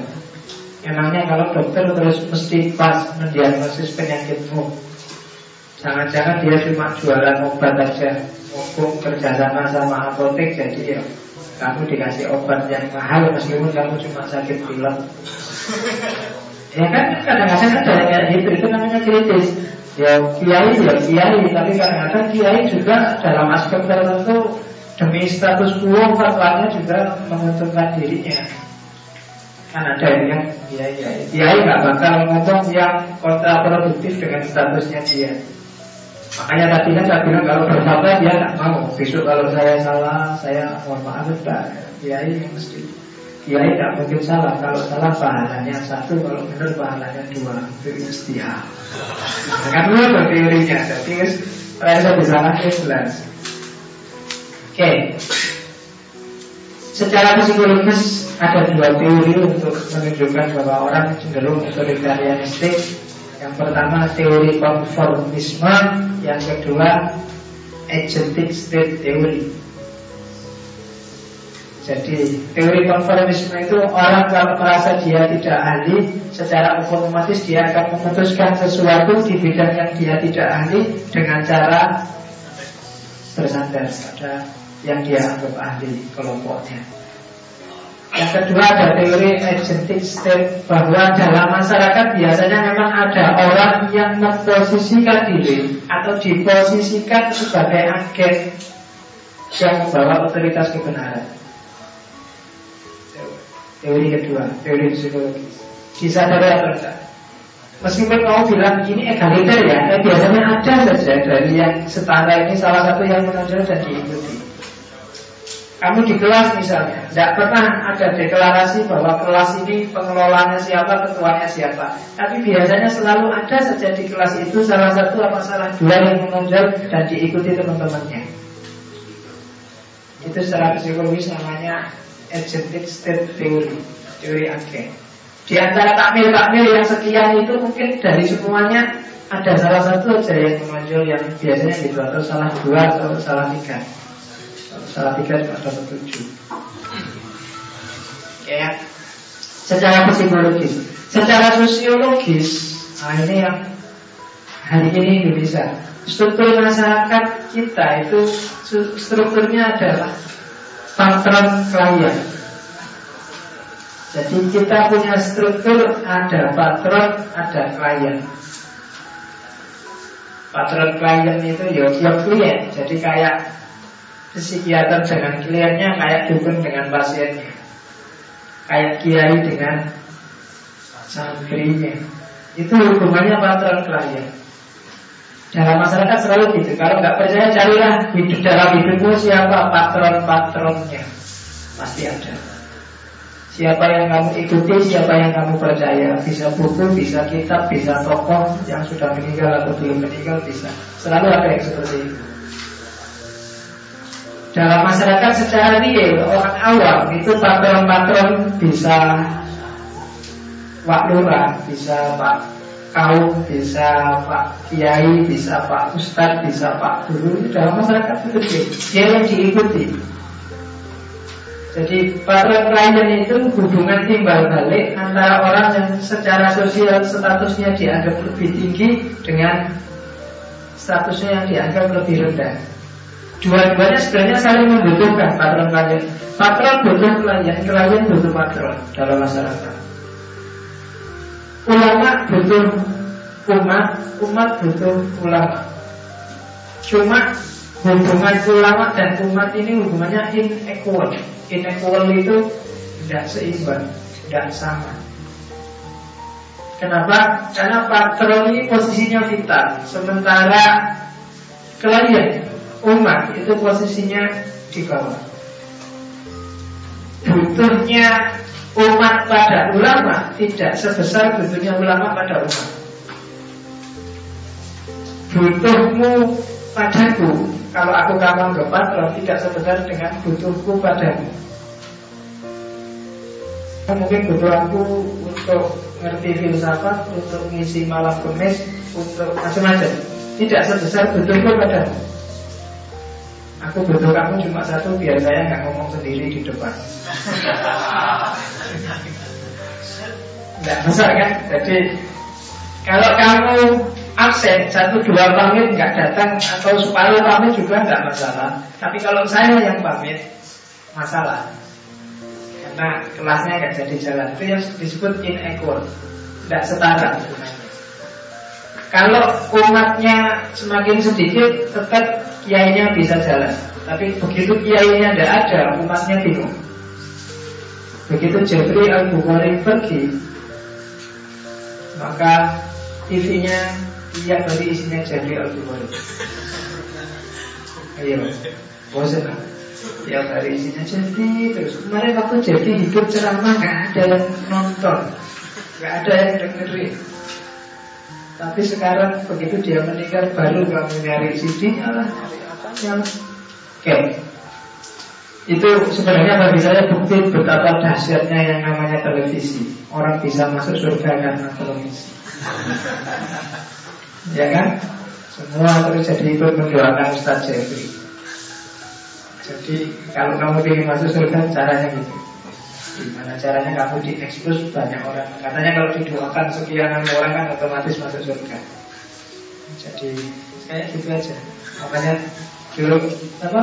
Saya punya ponakan kecil itu kalau dicari cita-citanya besok pengen masuk surga. Tidak, saya pengen punya uang banyak. Kan masuk surga enak, nggak punya uang banyak. Alasannya dia, kalau saya punya uang banyak, cari Pak Kiai yang doanya paling ampuh, yang pasti diterima oleh Allah, dikasih uang, suruh mendoain dia. Karena mikirin benar berarti. Kamu carilah di Indonesia ini kiai intan, kiai langitan atau kiai akhiratan yang doanya mesti makbul. Nah, kamu sowan ke dia, minta didoakan masuk surga. Jadi uang bukan segala-galanya tapi ya segala-galanya sampai ke surga butuh uang. Oke, jadi hubungannya in equal. Cirinya ini Patron klien Saya sebut ini untuk menjelaskan bahwa Kenapa kita hari ini sebenarnya nalarnya agak otoritarianistik Orang Indonesia hari ini diajak demokrasi susah sekali Karena dalam demokrasi semua dianggap sejajar Padahal orang Indonesia butuh patron Itu yang bikin kita agak bingung. Saya tidak ngomong patron itu mesti khalifah ya. Nanti yang dianggapnya terus wah ini promosi hilang. Anda tapi mental kita hari ini masih mental patron klien kalau nggak percaya coba ya. Oke ya. Bebas ya minggu depan temanya apa. Kamu kan malah bingung. Ya apa pak? Ya saya mau bapak aja lah temanya mesti ngomong. Orang Indonesia disuruh bebas itu malah bingung. Iya. Cuma kalau diatur berulang susah kan? Jadi negara malah ada itu kan Indonesia jadi nggak jelas mau apa jadi kalau dibebaskan bingung kalau diatur ditata ngelawan. Jadi tidak tahu didoakan aja. Jadi sesuatu yang diberikan oleh salah satu pihak yang tinggi tapi dianggap berharga. Kalau kamu tidak menganggap yang saya berikan ini tidak sebagai berharga kamu pasti tidak anggap aku patron Enggak mungkin kamu anggap patron Ada filsafat gitu aja? Cuma buat bahan tahu aja setelah tahu ya sudah. Enggak penting-penting amat. Pasti saya bukan patron kalau kayak gitu. Bandingkan dengan Pak Yai di kampung misalnya. Itu segala-galanya sudah. Pak Yai ngomong apa tidak ada yang berani bantah. Bahkan kalau di tempat saya tandilan itu Kalau bukan kiainya sendiri yang mimpin Rasanya hambar Lagunya ganti itu sudah nggak enak. Iya. Ah enak. Kemarin Pak Yai. Yang kemarin. Harus Pak Yai itu yang ini Karena sejak dulu ya itu Dan kamu sudah terlanjur Masuk ke jiwa Gaya dan lagu yang seperti itu. Nah itu Dia sangat berharga. Dan yang kedua Ada unsur tiga balik Jangan dianggap umat itu tidak ngasih apa-apa pada kalau nggak ngasih apa-apa sama sekali mungkin nggak ada orang mau jadi kiai. Nggak ada orang mau jadi pimpinan, nggak ada orang mau jadi patron. Karena dia dapat sesuatu itulah maka ya sesuatu itu mungkin nggak harus uang, nggak harus ibarat fisik, tapi mungkin status, mungkin kedudukan, mungkin nama, mungkin macam-macam. Ya, saya ngisi di sini, alhamdulillah akhirnya setiap hari Kamis pagi nama saya muncul di Facebook misalnya. Tinggal tadi emang gue. Oke, kamu dapat mobil sampai saya dapat namanya masuk di Facebook. Itu contohnya. Umat pada Pak Kiai juga begitu. Mungkin Pak Kiainya kaya raya sehingga tidak butuh apa-apa, tapi dia dapat status. Ya umat sih ngasih misalnya kalau ada acara-acara umat datang bawa jajan, bawa amplop, bapaknya ini nggak terlalu betul, tapi sebenarnya itu simbol bahwa dia penting di situ, dia statusnya tinggi. Ada unsur timbal balik. Kemudian timbal baliknya bukan karena formalitas dan tidak dipaksa. Kalau dipaksa biasanya orang nggak mau, bukan pasrah itu kalau sudah dipaksa. Kalau sudah formalitas itu tidak mau. Kalau Pak Kiai bikin tarif doa. Kalau doanya 10 menit tarifnya 25 ribu. Kalau doanya 10 jam tarifnya 100 ribu. Nah itu orang biasanya ah sudah percaya. Kalau ada kiai kayak gitu sudah sudah nggak dianuin lagi. Jadi bukan formalitas. Kemudian ada kemungkinan pihak yang lebih rendah melakukan penawaran. Jadi umat itu boleh kok. Alah sudah. Kalau Pak Yai itu saya tidak percaya Saya percayanya hanya Pak itu boleh. Bisa ditawar. Karena ini hubungan non formal patron klien.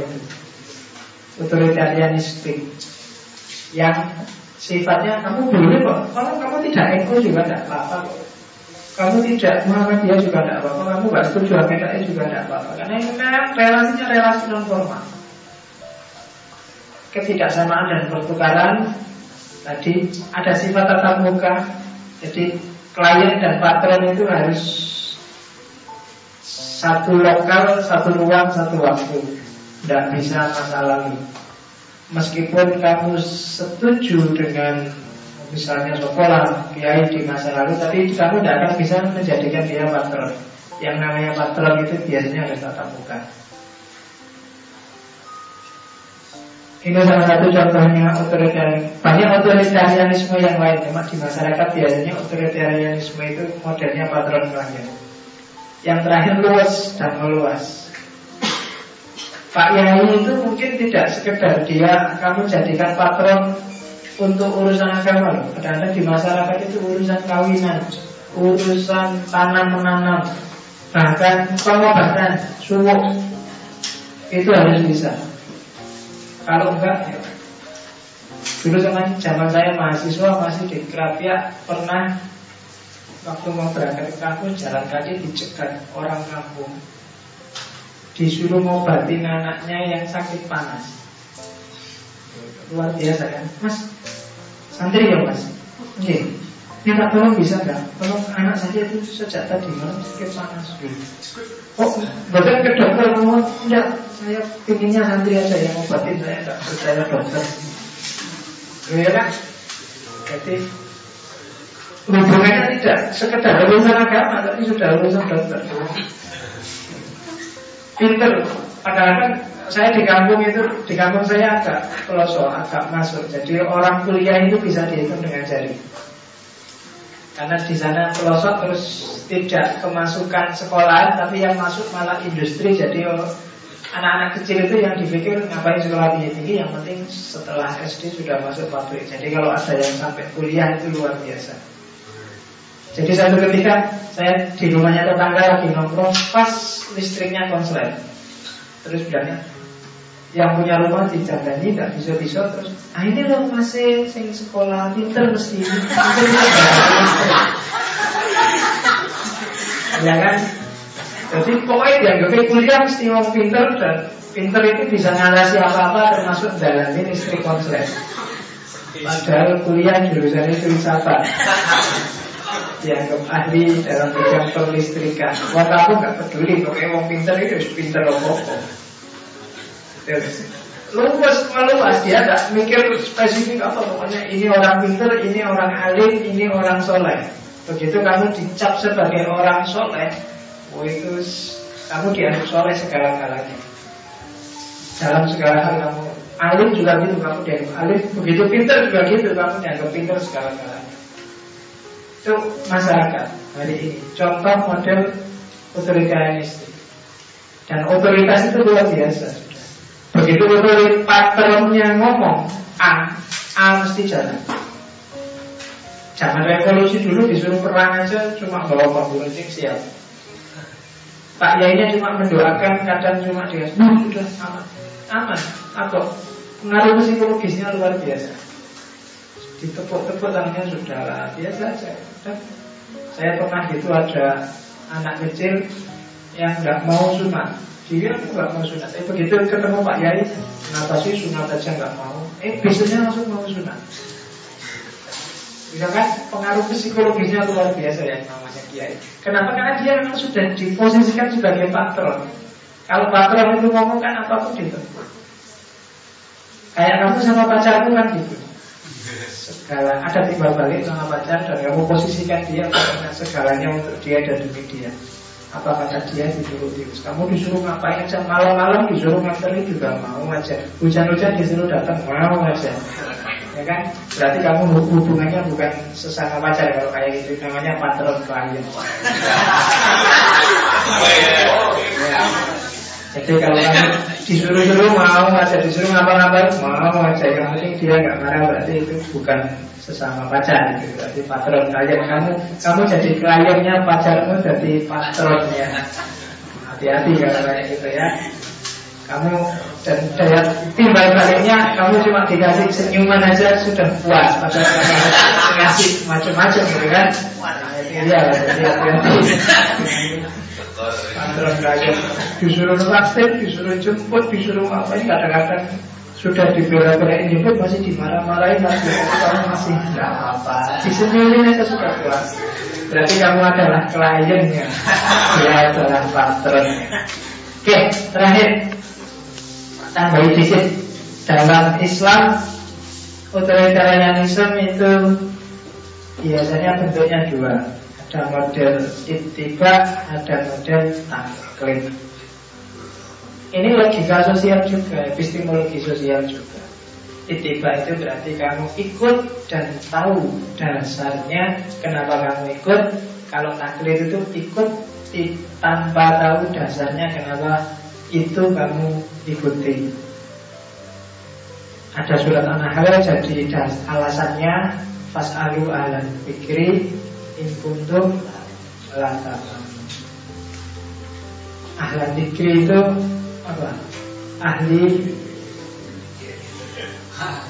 Ya.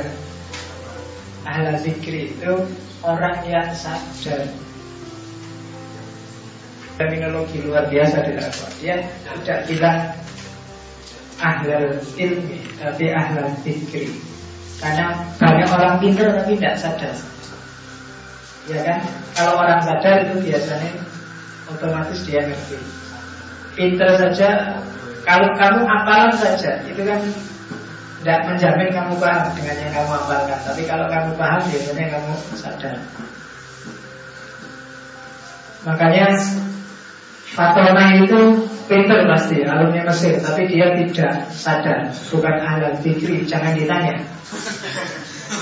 Iya, banyak orang pinter yang bukan ahli fikri, cuma ahli ilmu. Ngerti ilmu dok tapi tidak sadar. Kayak zaman saya dulu SMA, Alfiah itu apa? Tapi bahasa orang ngerti belas. Jangan tanya saya tentang ngomong kamu, tapi kalau kamu tanya saya sair-sairnya Alfiah, aku apa? Quran dulu kalau kamu nggak ngerti tanyalah ahli fikri. Kalau kamu tanya ahli ilmi biasanya dikasih teori dan bulat. Kalau ahli fikri yang dikasihkan adalah ahli fikri itu orang yang tercerahkan, orang yang sadar, orang yang bangun. Jadi kamu sendiri nanti tanya intuisimu untuk membedakan apakah dia ahli ilmi atau sekedar ahli ilmu atau ahli fikir. Jadi jangan diduliskan ada dikir itu orang yang biasanya dikir yang ke mana-mana bawa tasbih kayak orang ramai itu. Bukan itu. Ada dikir tidak semata-mata orang yang orang yang sadar itu biasanya dia memang selalu berpikir. Biasanya di antara, tapi tidak selalu. Pikir itu kan tidak selalu dengan lesan dan tasbih. Oke, asumsinya kenapa orang taklid pertama adalah kepercayaan pada mustahil. Orang yang sampai ke level mustahil pasti dia punya dalil syarat yang bisa dipertanggungjawabkan. Maka saya ikut dia.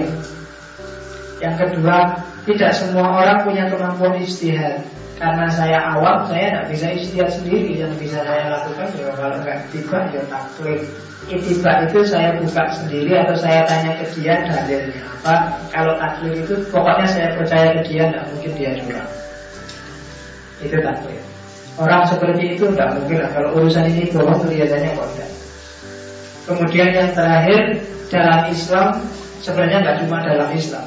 Dunia ilmu itu sebenarnya dikembangkan semuanya dengan model continuity and change Continuity engine itu kalau bahasa tradisionalnya al muhammadah al qadim dan al akhdu bil jadid. Continuity itulah ittiba dan taklid sementara yang jin itu yang ijtihad. Maka ada orang-orang yang bisanya cuma muhammadah al qadim kontinuitas melakukan yang selama ini sudah dianggap benar, tapi ada orang-orang tertentu yang bisa melakukan change, perubahan, ijtihad, penyesuaian. Nah, itu al-ahdu bil jadid. Sebenarnya al-ahdu bil jadid pun sebenarnya belum change. Harusnya umat Islam mujtahid itu bukan al-ahdu tapi al-ijadu. Ah, itu kan konsumen juga. Ijat itu harus dia yang kreatif bikin yang baru. Tidak sekedar ngambil yang baru. Kalau alat ijat itu kan ada yang baru terus kamu ambil. Tapi istihad itu ya harus mustahid memproduksi sesuatu yang baru. Kalau muhafadzah dan ahli itu perspektif kita sebagai orang awam. Tapi bagi mustahidnya sendiri dia harus selalu bikin istihad baru menyesuaikan dengan perkembangan zaman. Karena zaman itu kan berubah terus, realitas itu kan berkembang. Fikih itu salah satu disiplin yang harusnya setiap tahun mungkin harus ada buku baru Karena zaman ini kan berkembang terus Persoalan selalu banyak Majelis Tarjah dan Basul Masail itu harusnya jadi lembaga yang tidak pernah libur Karena selalu ada fakta baru, realitas baru Gimana hukumnya apa wis? Fakta terbaru apa? Uh, menerima uang kiriman dari orang yang korupsi tapi kita tidak tahu. Tiba-tiba Lutfi Hasan ngirim ke rekeningmu uang 2 miliar. Yang kamu lakukan apa? Nah, bersyukur apa pokoknya tiba-tiba gitu. Istighfar, astagfirullah, subhanallah, atau alhamdulillah. Iya kan? Kalau tiba-tiba kamu nginep di hotel terus ditawari pijet plus plus, ada nggak fatwa yang bilang pijet plus plus? Ada. Ya? Oke, yang otoritarianisme. Jadi kita hidup berdasarkan klaim-klaim kepercayaan dan klaim-klaim otoritas. Jadi catatan terakhir berarti ternyata semesta pengetahuan kita itu bukan single minded. Tidak bisa kita pinter itu sendirian. Pengetahuan kita itu hasil akumulasi dialektika dengan realitas sekeliling kita. Maka perhatikan orang-orang sekelilingmu, perhatikan pengaruh-pengaruh sekitar karena dia membentuk caramu berpikir. Tidak ada wawasan, tidak yakin kamu punya wawasan baru yang original, asli hasil karyamu. Itu biasanya mengadopsi dari yang lain, baca buku, biasanya kayak gitu. Di sebelum ke sini tak baca Facebook, wah ternyata sekarang takmir masjid Sudirman menyebut dirinya office boy masjid. Nah, saya yakin 100% itu bukan istiadatnya sendiri, pasti ada. Iya, ada masukan, ada inspirasi, ada dari yang lain. Itu yang dimaksud oleh Thomas Kuhn tidak bisa itu ilmu itu tidak bisa single minded berkembang sendirian. Dia pasti dialektika zamannya. Isi kepalamu itu hasil dialektikamu dengan sejarah. Oke, okay, masih ada waktu 10 menit 10 menit, tidak tahu Setengah jam masih lama Sampai jam 10 Silakan kalau ada yang tanya. Kalau nggak ada, alhamdulillah. Tanyakan itu bisa subhanallah, Kita pakai bisa astagfirullah, bisa alhamdulillah.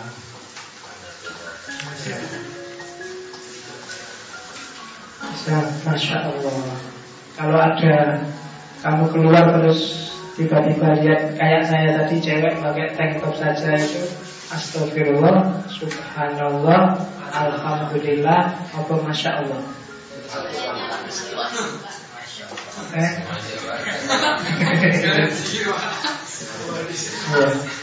Apa gak sempet ngomong? Aku belum mau aja. Ya. Oke silahkan ada ya.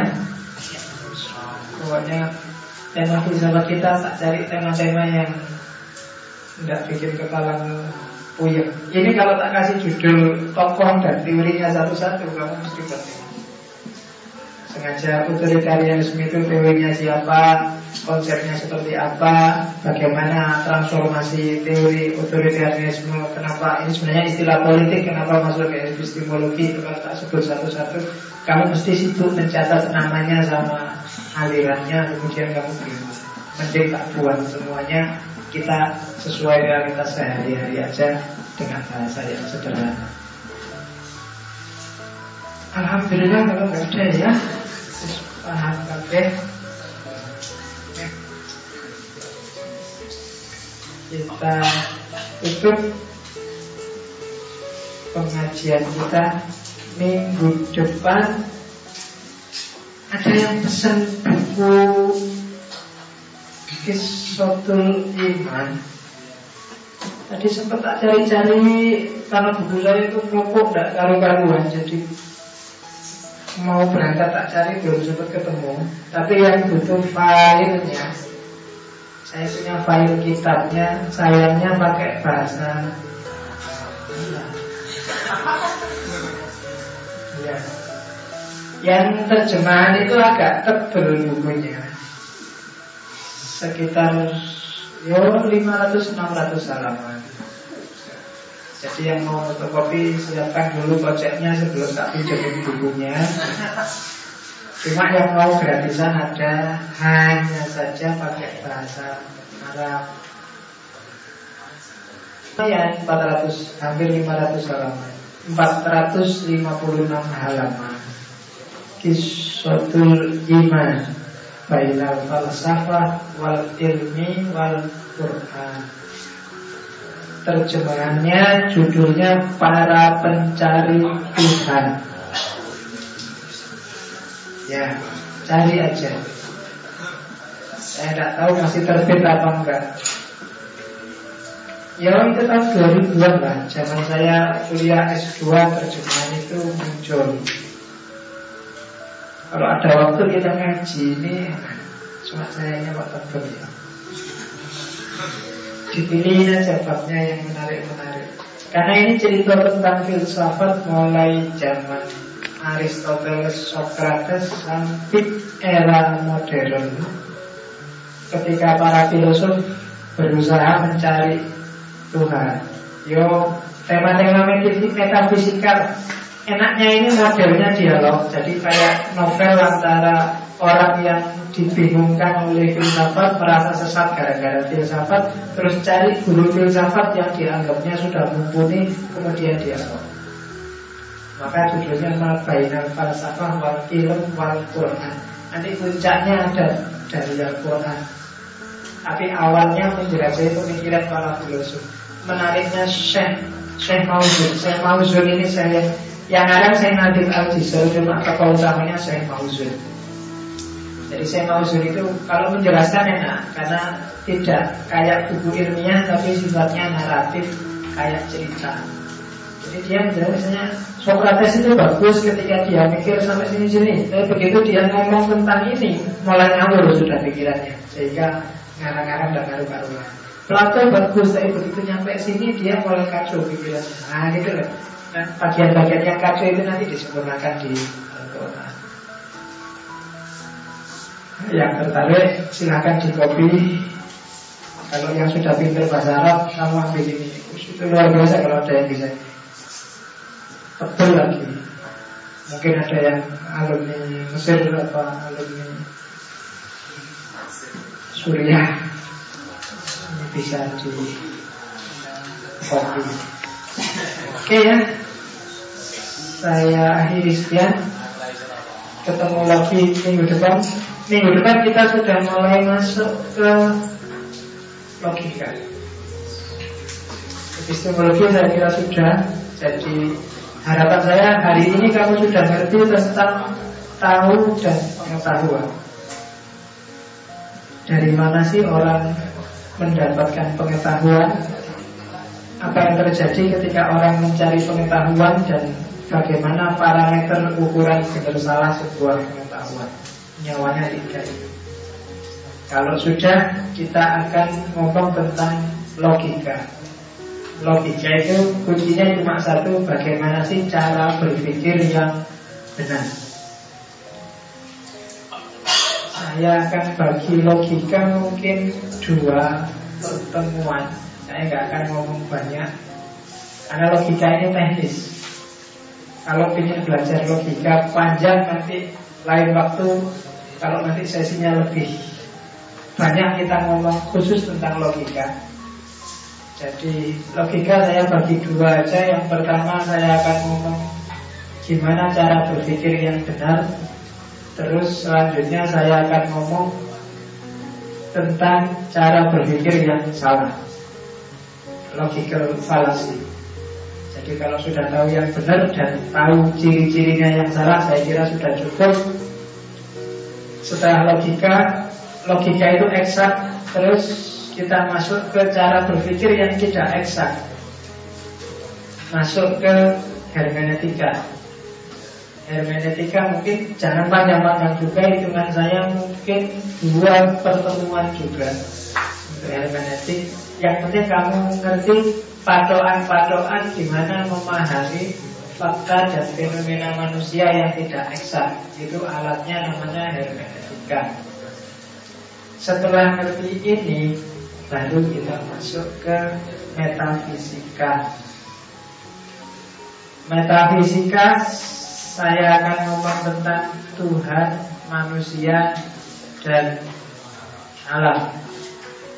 Ngomong tentang Tuhan, panjang enaknya berapa ya? Kamu bisa panjang tidak tentang Tuhan atau yang pokok-pokok saja?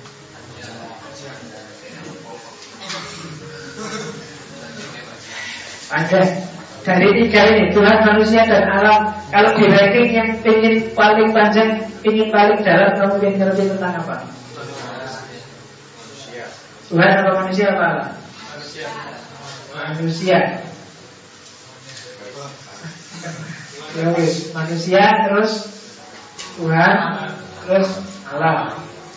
Ya berarti rankingnya Nanti manusia tiga kali pertemuan Tuhan dua kali pertemuan Alam satu kali pertemuan Oh kan gitu aja Tergantung permintaan Tiga, lima Iya, karena tiga tema ini sama-sama luar biasa. Saya bisa pertemuan Tuhan itu bisa 10, bisa 12, bisa 14. Manusia itu apa lagi? Bisa 10 SKS. Ya. Loh iya kan? Coba dicari ilmu apa yang tidak membahas tentang manusia? Semua ilmu semua membahas tentang manusia. Alam juga begitu. Manusia itu bisa menyangkut tiga-tiganya. Ketika saya ngomong manusia, saya bisa ngomong makrokosmos berarti alam, bisa ngomong dimensi ketuhanannya manusia, ngomong tentang Tuhan, ngomong tentang manusia sendiri, itu manusia aja. Tuhan juga begitu. Tuhan itu kan yang menguasai alam dan segala isinya. Saya ngomong apa aja, kok bisa dilepaskan dari Tuhan. Alam juga begitu. Apalagi kalau alamnya kamu tambah-tambahin sampai alam akhirat, alam mimpi alam wah itu cuma alam semesta ya kan ada alam khayal ada oh, filosof klasik kan itu alamnya ada alam khayal ada alam mimpi ada alam wah panjang alam itu alam setelah ontologi metafisika kita masuk ke etika setelah etika kita masuk ke estetika. Setelah itu saya nggak tahu ada apa. Cuma rencana jangan panjang-panjang. Kalau rencananya terlalu panjang, susah sendiri. Baru kita bahas lagi mau ngomong apa. Tapi kuliah misalnya kita gambarannya itu, itu pun nanti mungkin selesainya akhir tahun itu bisanya. Sampai tema-tema terakhir. Oke, saya kira itu untuk malam ini Saya sekian Assalamualaikum warahmatullahi wabarakatuh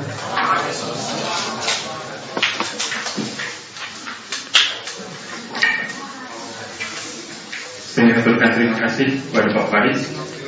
Sebelum acara pada malam ini Saya sampaikan beberapa pengumuman. Yang pertama kami mengundang diri sekalian dalam acara Ngaji Salat Jawa Suluh Hidayatullah bersama di Firman Sinum Jalan Sama pada hari Sabtu 8 Juni 2013 pada jam 16.30 atau pada. Ini itu saja. Mari kita tutup acara pada malam hari ini dengan bacaan surat Semoga acara pada malam hari ini dapat memberikan berkat kepada kita semua. Al-Fatihah. A'udzu billahi minasyaitonir rajim. Bismillahirrahmanirrahim. Alhamdulillahirabbil alamin. Maliki yaumiddin. Iyyaka na'budu wa iyyaka nasta'in. Ihdinas siratal mustaqim. Semoga terima Demikian dari kami, kurang lebihnya mohon maaf. Assalamualaikum warahmatullahi wabarakatuh.